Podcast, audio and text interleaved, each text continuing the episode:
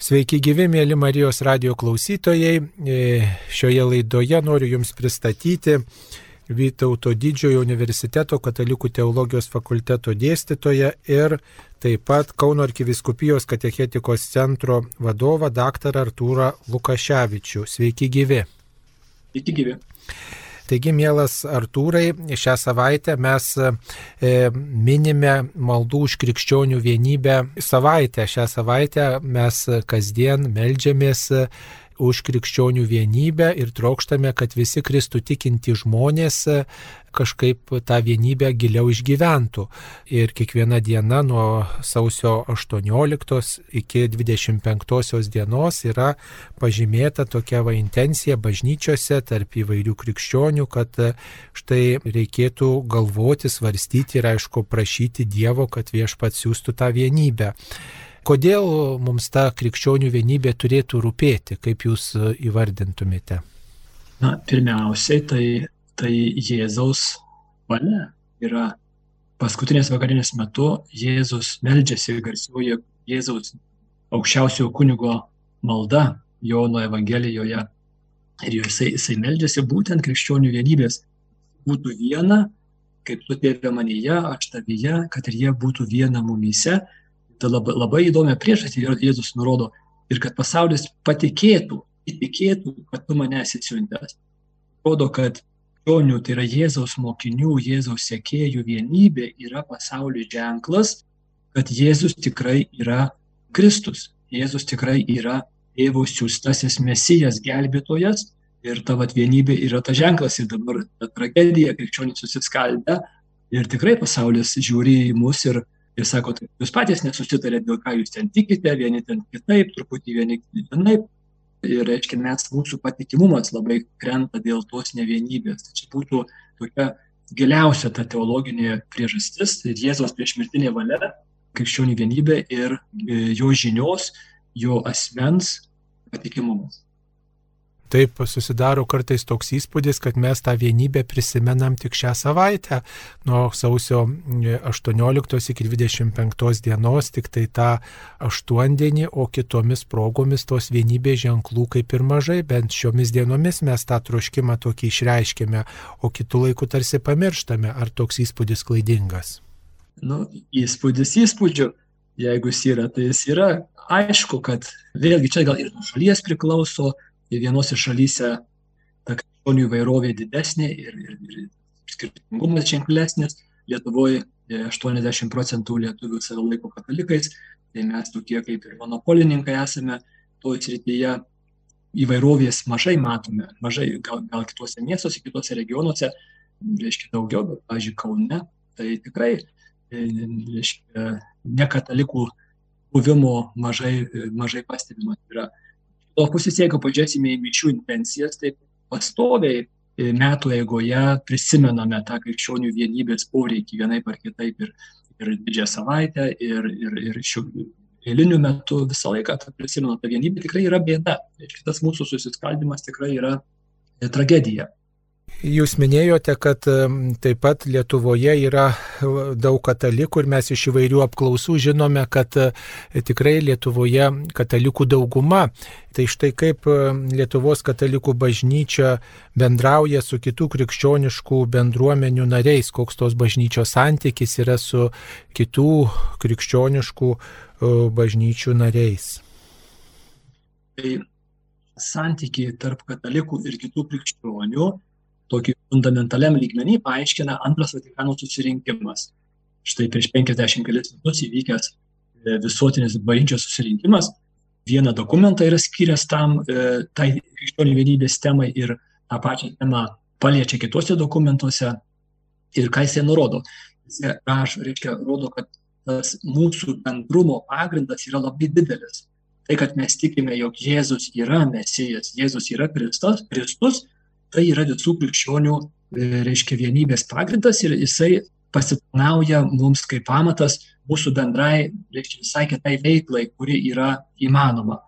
Ir, reiškia, antras Vatikanas ir vėliau po antro Vatikano buvę šis dokumentai reiškia, nurodo, kad daugybę dalykų krikščionys gali ir turėtų daryti kartu, e, reiškia, nu, daugybė ten žmogaus teisų srityje ir gamtosaugos srityje ir, reiškia, santykių su, su, su valdžia srityje, kad krikščionys turėtų bendradarbiauti. Ir daugumo šalių tas visai gerai ir vyksta. Ar tos pačios bažnyčios gairės, e, kadangi esame Romos katalikų bažnyčia Lietuvoje, tos visuotinės bažnyčios gairės galioja ir Lietuvai, tai čia mes nesame kokia tai išimtis, bet kadangi kitų krikščionių Lietuvoje nėra gausu, tai tie santykiai yra gal taip tokie mažiau išreikšti. Nors irgi, pavyzdžiui, kituose miestuose girdime ir, ir kituose regionuose, kur yra daugiau negu katalikų krikščionių, e, reiškia, tie santykiai yra ir stipresni. Tai mes galim daugybę dalykų daryti.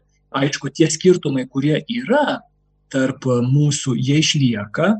Ir va čia gal irgi būtų vertėtų apie tai pakalbėti. Reiškia, ta krikščionių vienybė, vienybės siekimas ir bendradarbiavimas tarp krikščionių, vadinamasis ekumeninis dialogas, nereiškia užsimerkti ir sakyti, kad mūsų nėra skirtumų. Tie skirtumai išlieka.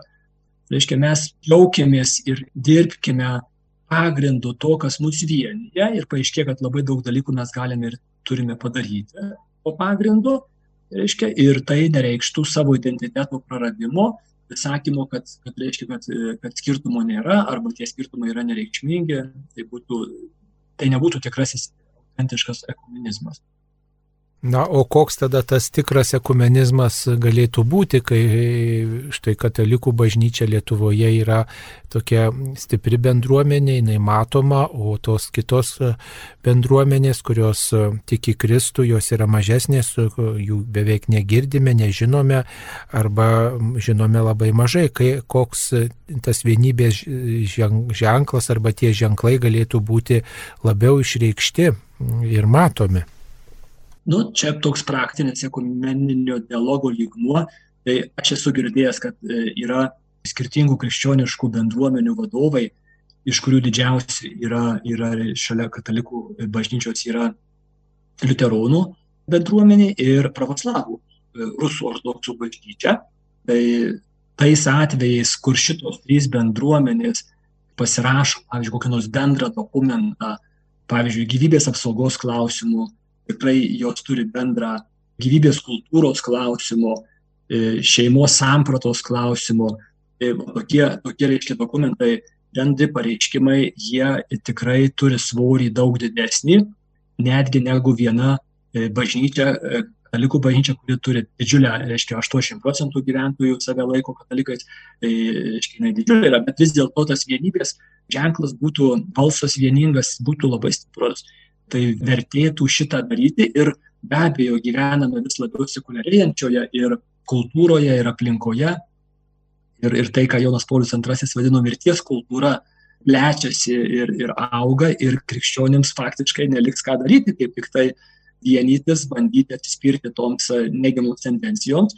Ir, ir nu, paradoksas yra, gal labai žmogiška yra, kad, kad suvienyje tada bendri pavojai. Jeigu yra bendras pavojus, tada staiga, aiškiai, randa polinkis į vienijimąsi daug stipresnis negu gerbuvio laiku. Tai irgi kartais galime taip galvoti, Dievas, kuris yra istorijos viešpas, reiškia, ką jisai daro šitam tokiam sudėtingam laikė. Jis, tai reiškia, laiko istoriją savo rankoje, jisai, jisai, reiškia, tokiu būdu bando padaryti tai. Tais būdais, turbūt mes nepasiduodam, būdami puolę žmonės tai kitų krikščioniškų bendruomenių nariai dažnai yra pakrikštyti katalikų bažnyčioje vaikystėje būdami, gal kūdikystėje, pakrikštyti tėvų, o štai vėliau atradę tikėjimą, atradę Kristų, galbūt atradę kitose bendruomenėse, štai tampa tokiais aktyviais jų nariais ir lanko maldos grupelės ar tų bendruomenių nariai gali dalyvauti įprastinėse katalikų bažnyčiose vykstančiose mišiuose, gėduoti giesmes, dalinti savo išgyjimo, atsivertimo istorijomis ir vadinti tai tam tikrais liudijimais ir, ir šlovinimais. Juk turbūt yra tas toks na, maišymasis, kaip pavadinti žmonių, kurie štai priklauso galbūt e, tom protestantiškom bendruomenėm arba nekatalikiškom bendruomenėm, bet tikriausiai būna įvairiausių įvairiausių progų, kai jie ateina ir į šventasias mišes ir ten ne tik tai dalyvauja pasyviai, bet kiek jie gali na, dalyvauti aktyviai, kiek jie gali priimti sakramentus, kai jie priklauso kitom bendruomenėm. Geras klausimas, net trys klausimai čia būtų jūsų šitame. Tai pirmiausiai, tai tikrai labai pritariu tai minčiai jūsų pradžioje, kad didelė dalis Lietuvos protestantiškų grupių ir bendruomenių yra krikšti katalikai. Ir, ir va čia yra mums katalikams, reiškia, didelis sąžinės priekaištas turėtų būti, tinka, kad tie žmonės tikėjimą ir gyvą ryšį su Kristumi randa kažkur tai kitur.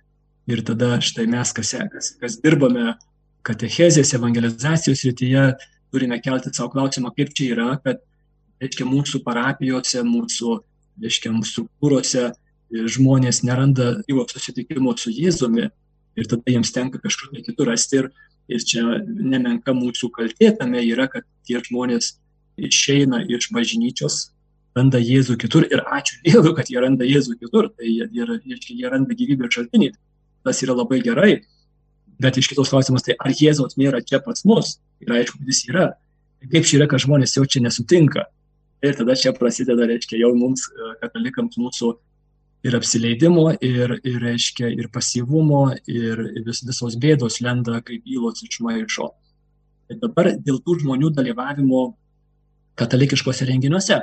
Tai didelė dalis e, renginių yra, yra bendra krikščioniško pobūdžio ir ten tikrai gali dalyvauti netgi ir žmonės ir netikintys įvairios, reiškia, ir išgydymo pamaldos, ir evangelizacijos, atsinamo dienos ir panašiai.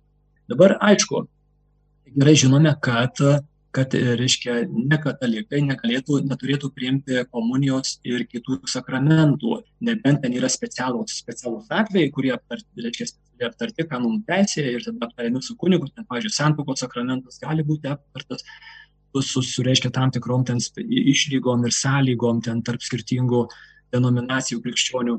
Bet taip paprastai šnekant, reiškia, e, kitų konfesijų krikščionys negali priimti komunijos atrodytų, kad katalikai tokie kažkaip tai va čia neleidžia žmonėms, varžo juos. Tai nėra varžymas. Komunija, kuris lotiniškas žodis komunijo, reiškia bendrystė. Tai yra sakramentinė ženklas, sakramentas. Reiškia tikėjimo bendrystės. Ir e, bendrumo, vienumo, vienybės. Tai reiškia, kad primdami šį sakramentą mes simboliškai išreiškime, jog tikime tą patį tikėjimą. O ir faktas yra tas, kad skirtingi krikščionys šiek tiek kitokį tikėjimą, kitaip jie nebūtų skirtingi krikščionys. Tai ten tas skirtumai kartais visai nedideli, bet jie egzistuoja. Tai prieimimas komunijos būtų paprasčiausiai netiesa. Tai būtų simbolinis melavimas. Aš darau išorinį gestą, sakydamas, mes tikime tą patį tikėjimą, mes turime tikėjimo vienybę. Tarpu faktas yra tai, kad ne, neturime to tikėjimo vienybės. Tai, va, tai, tai nėra, kad katalikų bažnyčia kažkaip tai tenais neleidžia ar spaudžia, ar kažkaip tai marginalizuoja kitus ar panašiai, bet tai yra tiesiog tai elgesys tiesoje. Gaila, bet mes nesame vieno tikėjimo, mes galim daug ką daryti kartu ir melstis kartu, ir šlovinimas gali būti kartu. Ir tikrai, reiškia, bažnyčia mus ragina dalyvauti įvairiausiose ekumeninio pobūdžio renginiuose, pamaldose, kur žmonės galėtų uh, reiškia, liudimais dalintis, tikrai tai yra bendra ir nuostabu ir labai gerai ir katalikiškai. Ir būtų teisinga kažkaip, tai, kad, nu, mes čia katalikai, tai mes, reiškia, klausysimės katalikų atsivertusių liudimų. Ne, ten, kur mums yra viskas bendra ir, ir tinka, mes mus baigė kviečia kartu dalyvauti ir, pavyzdžiui, klausyti žmogaus, kuris sutiko Jėzų toj konfesijai, toj, reiškia, bendruomenė nuostabu, viskas labai gerai būtų. Ir gydymo pamaldos ir, ir panašiai. Tai, va, tai ten, kur mes negalime būti, kur, kur faktas yra tai, kad mes nesame vieningi, tai tada mes nu, ir tos vienybės ženklų ne, ne, nerodome, komuniečių atveju. Tai ir kitur, kur mes esame vieningi, kur tas kristocentriškas pagrindas mūsų vienės, mes puikiausiai galime ir turime veikti kartu. O jeigu yra tokių štai žmonių, kurie priklausė katalikų bažnyčiai, štai gal vaikystėje lankė katalikų bažnyčią, prieimė pirmą komuniją, sutvirtinimą, dar kažkada lankėsi, šventė mišes, dalyvavo komunijos apieigose, ėjo iš pažinties, nu, po kiek laiko gal atitolo, paskui surado kitą bendruomenę, štai įsitraukė į protestantišką bendruomenę, ten irgi Kristus, ten giesmės, ten atrado tikėjimą ir paskui nusprendė, kad vis dėlto trūksta čia kažko. Štai tam protestantiškam judėjime, kad va, trūksta komunijos, trūksta gal vienybės, trūksta autoritetų, nu nežinau, dėl kažkokių priežasčių galbūt štai vėl grįžta į katalikų bažnyčią. Ką tokiam žmogui reikėtų daryti? Ar štai jis lik niekur nieko gali toliau švęsti sakramentus, ar jam reikia atlikti išpažinti štai, na, va, tuos savo ieškojimus, tas keliones tiesiog įvardinti, kaip reikėtų elgtis. Klausimas tikrai geras. Be abejo, kad negali tiesiog šiaip vieną, vieną dieną ateiti ir, ir, ir būti katalikas, o paskui sekančią dieną jau gal vėl ne katalikas, bet čia yra rimtas dalykas.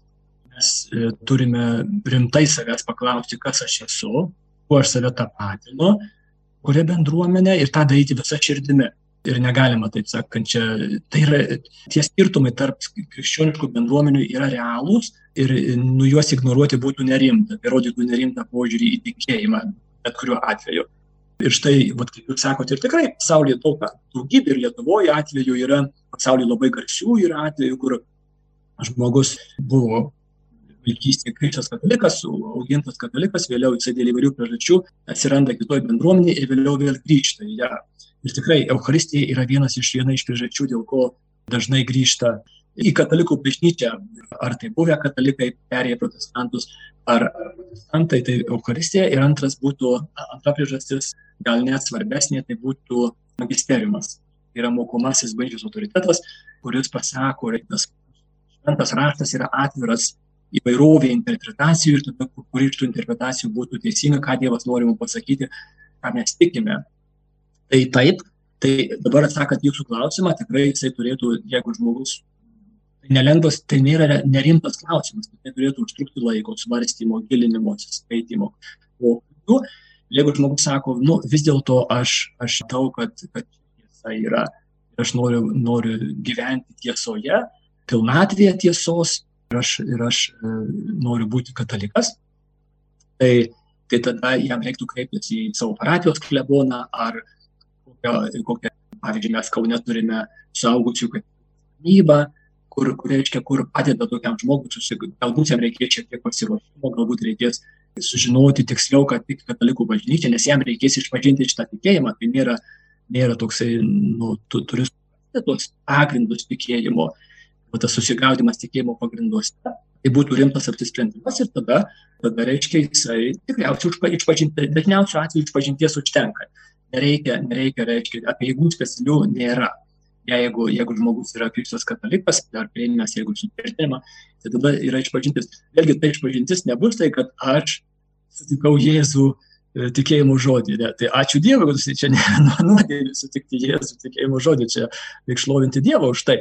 Bet, e, kaip ir vat, sakote, reiškia, išpažinti savo istoriją papasakoti ir, ir kur ten buvo, ar koks įsiskaudinimas ir aš net leidau, kad kažkas, kažkas mane tenais nuvylė katalikų. Kad ir tikrai mes, mes tikrai esame nusidėlę ir mes tikrai galim nuvilti žmonės ir mums reikia išpažinties dėl to ir mes ir einam jos, bet tas, va, tos visus skausmus ir ieškojimus, tai dažniausiai išpažinties forma, tai reiškia to pakanka ir, ir tada žmogus savo tapatybę save tapatina su katalikais, gali, gali čia priimti komuniją ir, ir dalyvauti dėl pilnam gyvenimui.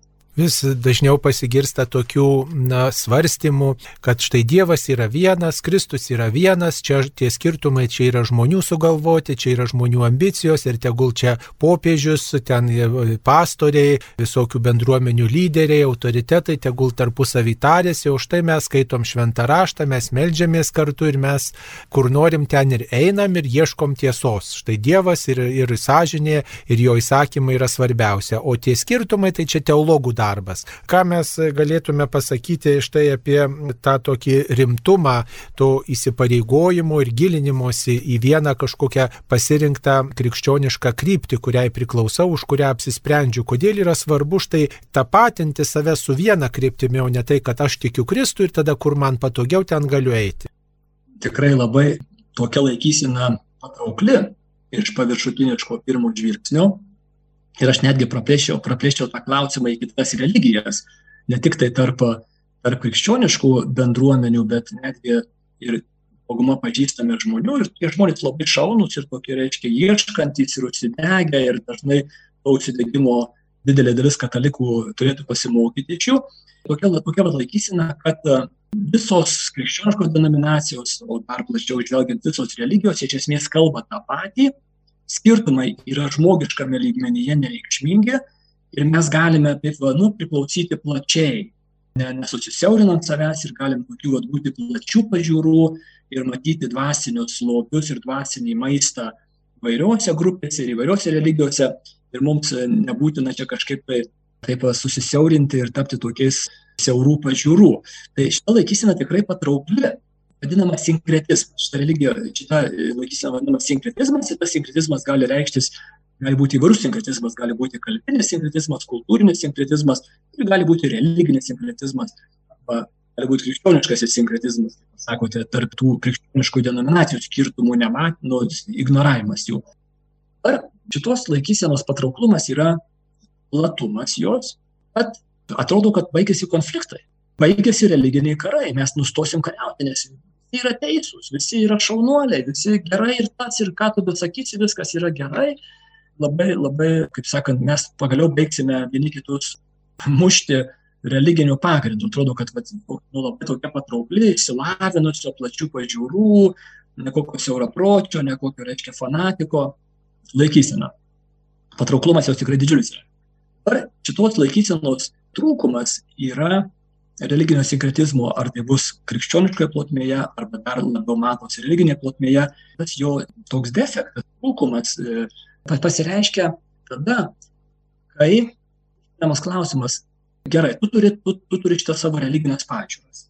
Ir kas yra šitų pažiūrų galutinis autoritetas? Paimkime pradžioj, paimkime pradžioj, reiškia, religinį sinkretizmą, tai yra žmogaus, tikrai tokių žmonių pažįstame ir yra, kurie sako, visos, visos lygos yra puikios, jos visos kalba tiesą ir viskas yra labai gerai. Faktas tačiau yra tai, kad tos religijos gerokai skiriasi. Tu negali tiesiog taip lengva tokia ranka sudėti jas visas į vieną krūvą ir, pasid... ir jos nesueina. Neišvengiamai tenka rinktis kažką tai iš vienos ir kažką tai iš kitos ir kažką tai palikti, jos tiesiog prieštarauja viena kitai.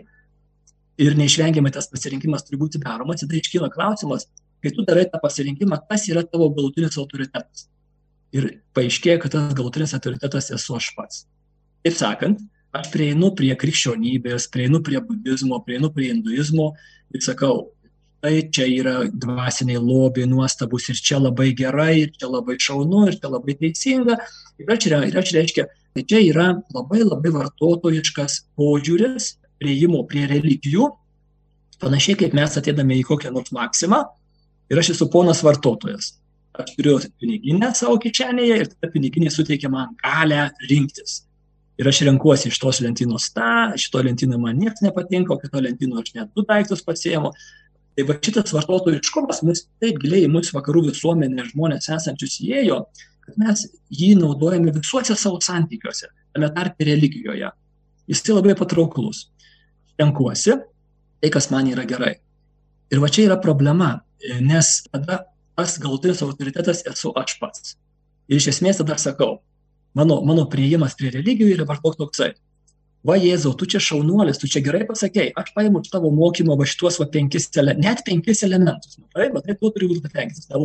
Bet kaip ir Jėzau, čia, nu, atsiprašau, tu čia, nu, nu, ne visai tu čia, tu ten turbūt buvai sąlygotas tenai tų vietinių savo kultūrinių, tautinių, uh, reiškia aplinkybių ir tu čia, nu, žinai, atvirai kalbant, 21 amžiuje tavo, tavo dauguma posakių jau nu, negalioja tiesiog. O dabar reikim prie būdos. Būda irgi buvo šaunus vyras, gyveno dar 500 metų anksčiau prieš Jėzų, gerai pasakė tą ir tą, paimsime iš jo šitą, ne, dabar iš hinduizmo paimsime va šitą, iš ten kokio tai konfucianizmo va tą.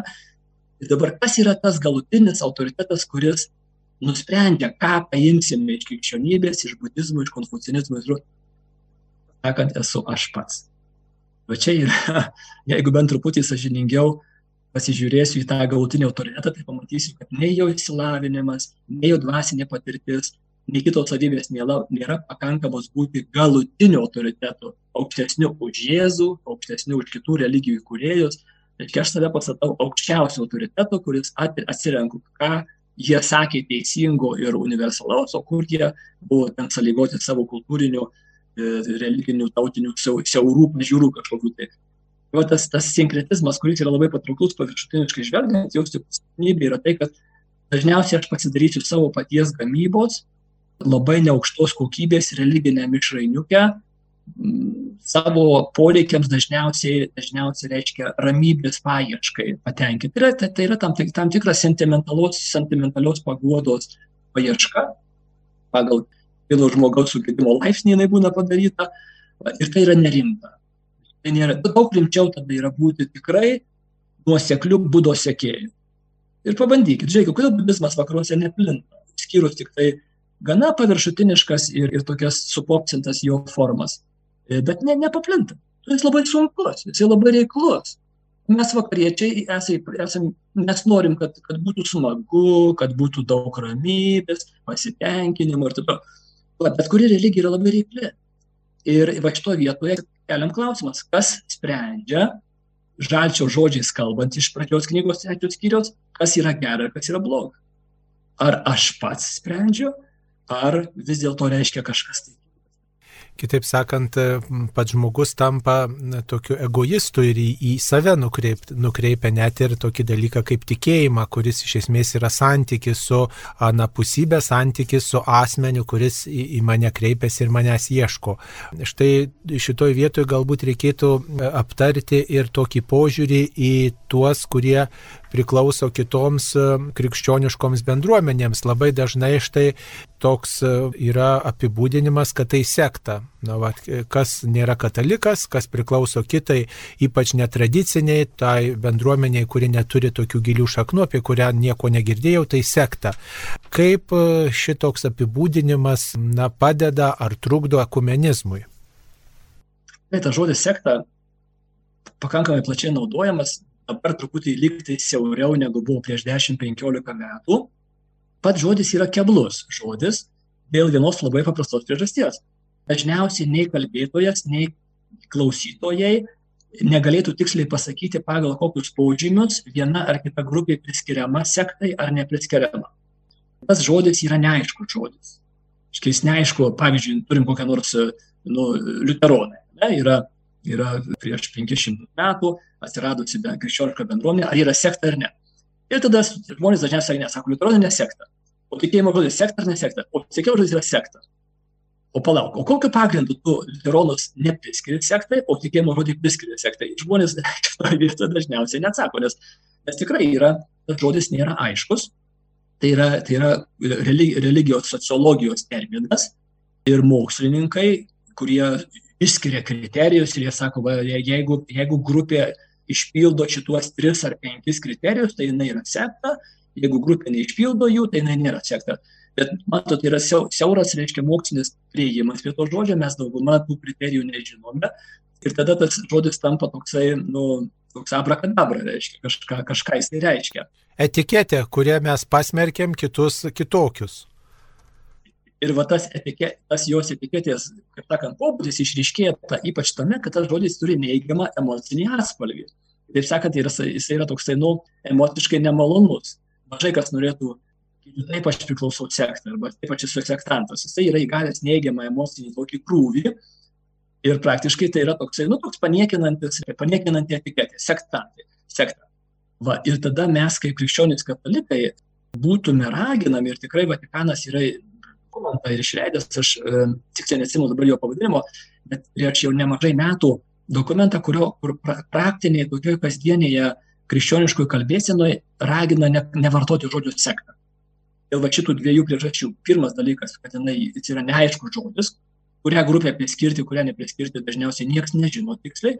Ir antras dalykas, jis turi neigiamą emocinį atspalvį, toksai paniekinantis žodelis sekta. Ir be abejo, Kristaus mokiniai turėtų stengtis nieko neniekinti ir kalbėti tiesoje. Kadangi mes šiuo atveju nežinom tiksliai termino, tai jo kalbėjimo naudojimas tiesoje gaunasi labai keblus. Tai naudotiniai yra kitokie, kitokie žodžiai, mūsų pasiskiria broliai, ar kitos krikščioniškos e, denominacijos, ar kongregacijos, ar bendruomenės. O tokie būtų, kurie neturi to neigiamo emocinio atspalvio. Tai būtų autentiškas, katalikiškas, kuris visų pirma turi būti pagarbus švenčiantis tai, kas yra bendra šiuo atveju. Bendra mums yra Kristus kaip mūsų gelbėtojas ir mes tikrai turim labai daug šituo klausimu, ką vieni kitiems sakyti apie Kristų.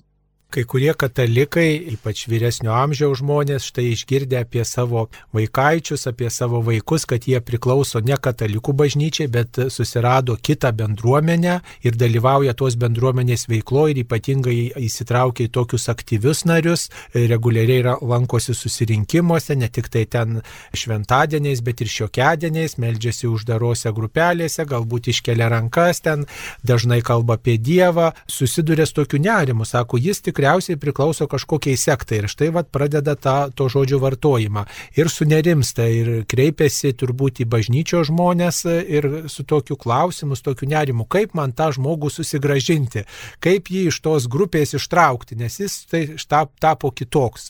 Ne tik, kad davatka tapo, kur ten dažnai laksto bažnyčioje, bet dar daugiau. Jisai ne į bažnyčią eina, bet į kažkokią bendruomenę ir ištisai gal kalba apie Dievą ir ten, na, įtartina galbūt veikla užsijima. Ką mes galėtume pasakyti apie tokius atvejus ir kaip galėtume paguosti tuos žmonės, kurie susirūpino dėl savo artimųjų. Tai tikrai e, suprantamas tas nerimas. Atskirčiau čia vėlgi kelis, kelis sluoksnius, kelis lygmenis šito klausimo. Tai pirmiausia, va, kaip jūs, e, kunigai Sauliau, sakote, reiktų, reiktų visai įdomu būtų įsivardinti tuos nerimą keliančius požymius, reiškia, ką tas žmogus daro. Ir va, jūs jau sakėte, jis dažnai kalba apie Dievą, jisai lankosi maldos grupėje, jisai, aš dar pridėčiau, jisai skaito šventą raštą, reiškia, jis tą šventą raštą skaito, skaito dažnai, jisai, jisai dalyvauja renginiuose. Ir dabar, jeigu mes pažiūrėsime šitos požymius atidžiai, mes matysime, kad tai yra būtent tie požymiai, kuriuos tikri katalikai turėtų daryti. Ir bažnyčios dokumentai mums jau nuo antro Vatikano 50 su viršų metų sako, reiškia, tikras katalikas yra tas, kuris skaito šventą raštą, daug meldžiasi, stengiasi kitus žmonės, kitiems žmonėms padėti rasti kelią pas Dievą, tai reiškia kalba apie Dievą tiems žmonėms, ir dalyvauja įvairiuose neformaliuose krikščioniškose grupėse, katalikiškose. Žodžiu, žodžiu, jeigu mes pažiūrėsime tą sąrašą tų veiklų, kurias jie daro, tai yra labai katalikiškas sąrašas.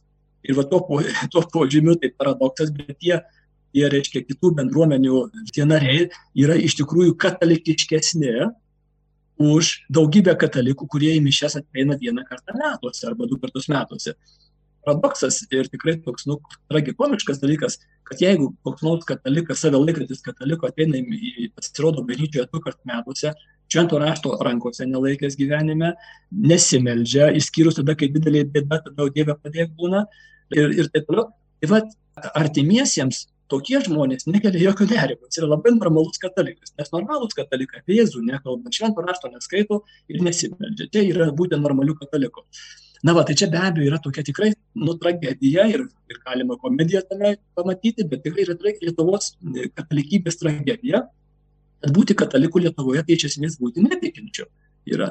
Tu nei meldiesi nei švento rašto skaitai nei kaip sakant tie vadinamieji du plius trys katalikai. Žinot toksai toks reiškia kuriozinis du plius trys tai reiškia e, velykos kalėdos e, vestuvės laidotuvės krikštynos nu tai čia ne katalikybė, čia yra karikatūra katalikybės. Ir tas žmogus, kuris taip toks katalikas, save laiko kataliku, jis iš tikrųjų yra e, atmetęs katalikybę, jeigu rimtai kalbant, biologiškai kalbant, jo išganimas yra didžiuliame pavojuje, jeigu ten giminaičiams tai rūpėtų, yra. Ir čia tikrai didelis rūpestis būtų. Ar, arba kaip koks nors ten garsus politikas sako, aš tikiu savo katalikybės versiją. Nu, nėra kitos katalikybės versijos, tai yra viena katalikybės versija. Bet tai, kad tu tiki, tai yra tavo kažkoks tai neaukštos kokybės, reiškia, gaminukas, tai nėra katalikybė. Katalikybė yra katalikybė ir, ir kas šalia jos jau ne katalikybė. Žodžiu, jeigu grįžtant atgal į tą klausimą, vėl tai išryškina katalikų bažnyčios Lietuvoje problemas didžiulės, kad mūsų parapijose žmonės ieškantis Dievo ir kelintis klausimą, ar yra Dievas, ar tikrai Jėzus gyveno, nu tai tokių tokių erdvių kur jie galėtų draugiškoje saugioj aplinkoj šitą klausimą gvildenti ir gilintis ir dalintis savo abejonėmis ir ieškojimais beveik nėra. Ir tada nekeista kad tie žmonės vis tiek tas klausimas yra labai jums rūpimas. Ačiū dievui kad pats dievas kelia tą klausimą. Pats dievas sukūrė viešpatie e, savo ir nerami mano širdis. Ir, ir ta širdis eina ieškoti. Ir jeigu neranda katalikų parapijoje tai eina ieškoti kitur. Ir tada randa tikėjimo žodėje Tai va, ir aišku, tai yra gerai, kad jie rado Jėzų. Bėda yra ta, kad, kad, kad jie, jiems teko išeiti iš katalikų bažnyčios. Taip, Jėzus, Jėzus tiesos ir malonės pilnatvę paliko ir ta malonės pilnatvė ir tiesos pilnatvė savo esmėje yra katalikų bažnyčioje, sako antro Vatikano susirinkimas. Ir čia yra. Bet matot, ta malonės ir tiesos pilnatvė yra, yra, bet ar mes ją parodome, ar mes, ar mes sudarom žmonės, žmonėms sąlygas gilintis, ieškoti, kelti klausimus, pradėti nuo ten, kur jie yra. Pavyzdžiui, tas klausimas, kur, kur jie yra, gali būti, ar yra Dievas va čia vėlgi savo kaip katalikui sąžinės lipu ir tikrai čia yra bėda didelė. Tai dabar tiems, tiems giminaičiams, aš sakyčiau, tikrai reikia džiaugtis, kad jie jūsų vaikaičiai rado, rado Jėzų ir, ir gyvena aktyvų dvasinį gyvenimą ir nereiktų ba, bartis ten jų tikrai, mes barimais nelaimėsime nieko. Aišku, aš norėčiau, kad jie ateitų į katalikų bažnyčią, nes čia yra pilnatvė tų gėrių visų. Bet matot, pakviesti, vienintelis būdas pakviesti yra, kad aš pats tuos gėrius gyvenčiau ir tas ta laimė iš manęs turi spinduliuoti. Bet jeigu mano, reiškia, aš po, po sekmadienio šventų mišių išeinu ir esu piktas, nelaimingas ir apkalbantis kitus, bet atsiprašau, į tokius katalikus pasižiūrėjus, tai tikrai, tikrai bet koks noras praeina šitai bažnyčiai priklausyti. Čia tikrai nesimato, kad čia yra Dievas. Ir kitko labai garsus garsus, reiškia, 20-ojo amžiaus e, teologas, biblistas, man atrodo, kad Karlas Bartas, reiškia, kur buvo tikrai vienas iš šulų e, biblistikos ir jisai sako, sako, reiškia, teologiniai, biblistiniai argumentai prieš Eucharistijo, Eucharistiją, tai kaip ją supranta katalikų bažnyčia, tai kad Jėzus tikrai yra Eucharistijoje kūnas ir kraujas, siela ir dievystė. Tai yra. Teologiniai argumentų nėra. Visa teologija biblistika kalba už tai, kad tai yra tiesa. Sako, vienintelis argumentas yra patys katalikai. Kaip jie priemė patį Dievo sūnų į save, patį Jėzų į save, sugeba visiškai nepasikeisti. Tai yra, tai čia vėl, vėl reiškia, tai, ką antras Vatikanas sako, reiškia, mes turėdami tokius lobius turime didžiulę atsakomybę jais gyventi ir jais dalintis. Bet jeigu aš nei pats valgau, nei kitiem duodu, tai Vėl tas pats antras Vatikanas labai griežtai įspėja, išganimo, išganimo pavojus didžiulis yra. Bet paprasti žmonės gali sakyti, tai tegul kunigai duoda, tegul teologai duoda, tegul dėstytojai universitetuose duoda, moko kalbą, o ką mes čia paprasti žmonės e, lankom bažnyčią, kiek gali, melžiamės e, kasdien, štai klausomės Marijos radijo, gerą linkim, su nieko nesipykstam, retkarčiais iš pažinties prieinam, ką čia daugiau gali padaryti. Tegul jie atsiverčia tie, kur yra kitose bendruomenėse, tegul jie grįžta į katalikų bažnyčią. Kitaip sakant, kaip galėtų paprastas žmogus, katalikas žmogus, va ir mūsų Marijos radio klausytojas, štai siekti tos visų krikščionių vienybės. Dalinai sutinku, tikrai gyvena žmogelis paprastas, jeigu dar praktikuojantis, eina į mišę sekmadieniais, iš pažinties ten nueina kas mėnesį, kas du e, Marijos radio klauso, tai tikrai labai daug yra ir, ir tokių Lietuvoje yra nedaug, kadangi žinau statistiką, tai, tai ši čia jau, jau, kaip sakant, priklausote katalikiškam elitui Lietuvos, katalikų bažnyčiai Lietuvoje. Ką dar galima būtų daryti? Nu, nei daug, nei mažai bažnyčia labai, labai aiškiai ir tiesiai sako, reiškia, visi esame pašaukti į šimtaprocentinį šventumą. Tai vėlgi, reiškia, taip, taip mes, mes, paprasti žmonės, ir, ir dėstytojai, ir nedėstytojai, ir įsilavinę, ir neįsilavinę, visi esame pa, pa, pakviesti į šventumą. Ir būtų labai neblogai, reiškia, paklausti savęs ir, ir kokį nors vieną kitą gairę savo atsiduoti, pavyzdžiui, per šią, reiškia, per va šiuos metus, arba, pavyzdžiui, vakarienė prasidės, ką aš galėčiau dar padaryti. Gal vienas, vienas reiškia, kuris, kuris ne, kuriam neblogai sekasi skaityti, kokią rimtesnę knygą paskaityti. Dvasinės literatūros jau dabar yra nemažai. Gal, gal pavyzdžiui, susitaikyti su kokiu nors giminaičiu nemalonaus charakterio. Vėlgi būtų visai nemenkas, nemenkas dvasinis žingsnis. Reiškia, atleisti kažkam, tai sunku atleisti. Gerai, pradėsiu kasdien melstis. Kasdien sukalbėsiu po vieną sveiką Mariją, Dieve padėk man atleisti tokiam ir tokiam, kuris man, mane tikrai labai įskaudino, įžeidė, sužeidė, reiškia, tada. Tai va būtų tie žingsniai, kuriuos mes visi esam pakviesti, pagal kiekvienas pagal savo luomą, stovį, amžių, išsilavinimą ir taip toliau. Ir nei daugiau, nei mažiau, pakviesti visi esame į šventumą. Ir žinokite, tą patį savo taikau ir mums visiems tą patį, reiškia, žmonės sprendžia apie krikščionybę ne iš protingų kalbų, ne iš, e, reiškia, ten įsilaipsnių ir panašiai, Bet labai paprastai gelbė. Ar tas žmogus šypsosi? Ar tas, kat, tas katalikas einantis sekmadieniais į mišes, reiškia, ar jisai, jisai išėjęs į kiemą pasveikina savo kaimynus? Ai, tie kaimynai nemalonus. Gerai, tikrai nemalonus ir gerai, gerai žinom, kad nemalonus. Ir aš padarau tą nedidelį žingsnelį su tais nemaloniais kaimynais. Gal reiškia kažkokį tai, nes, nu, dar net jau iki sveikinimuose, bet gal kažkokį tai gestą, kažką nežinau, čia vėlgi visi turim pagalvoti, giminaičiai. Žiūrėkite, kaip dažnai žmonės nusigrėžia nuo tikėjimo, todėl kad, kad koks nors giminaitis buvo labai pamaldus, į mičias eidavo kasdien, o jau tokio šlykstaus charakterio, jau toks reiškia tenai, nu, kaž, kažkokio tai įdų turėjo. Nu, va, žiūrėkit, yra baisus dalykas, yra baisus dalykas, papiktinimas vadinasi. Reiškia, tu esi papiktinimas ir ten koks nors letkų maišelis, reiškia, apkalbų ir visa kita, o jo pamaldumas, reiškia, meldžiasi dieną naktį nu tragedija yra. Kažkas su jo pamaldumu netvarko. Jeigu jo pamaldumas nepadeda jam kovoti prieš įdas, kurios bado akis aplinkiniams, tai tas pamaldumas yra netikras. Ir reiškia, reikia kažką reikia keisti. Tai va, tai mes visi vairiais lygiais, laipsniais turime tikrai kur daryti pažangą ir mylėti, būti maloniu. Stengtis reikia, kad kitam žmogui šalia manęs būtų gera, ir tam giminaičiui, ir tam vaikaičiui atvykusiam. Reiškia, e, žiūrėkite, irgi iš teigiamos pusės aš kad kadangi dirbu nemažai su suaugusiaisiais, turčiančiais sakramentams, sako, mano močiutė, kuri buvo mažaraštė, jinai melsdavosi rožinį kiekvieną vakarą, aš tą girdėdavau ir man buvo taip gera, nes jinai buvo toks mielas, šiltas ir ramus žmogus, iš jos tiesiog spinduliavo ramybė. Va, ir, reiškia, ir, ir tai buvo tai, kas po 50 metų, tai jau dabar suaugusiai anūkiai, reiškia, patraukė ją į katalikybę. Nes močiutė per tą savo ramybę, jinai ten nieko nežinojo apie tą tikėjimą. Jinai maldelės kalbėjo, bet savo tą autentiško krikščioniško gyvenimo ramybę, reiškia šilumą, anūkus priglaudžia, jiems gera, va, jinai liudijo tikrą krikščionybę, tikrą Dievo meilę.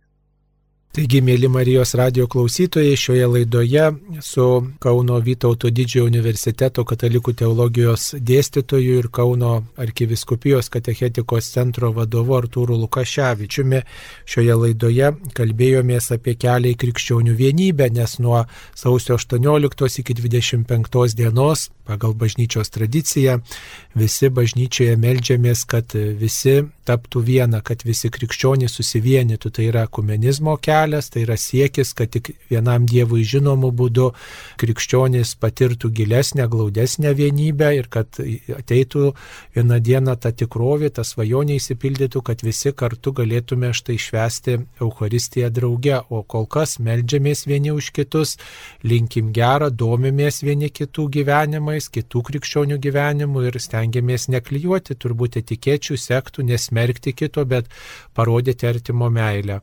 Šioje laidoje dr. Artūrą Lukaševičių kalbino aš, kunigas Saulis Bužauskas. Visiems linkime siekti vienybės per artimo meilę ir tvirtą krikščionišką tikėjimą. Ačiū sudė.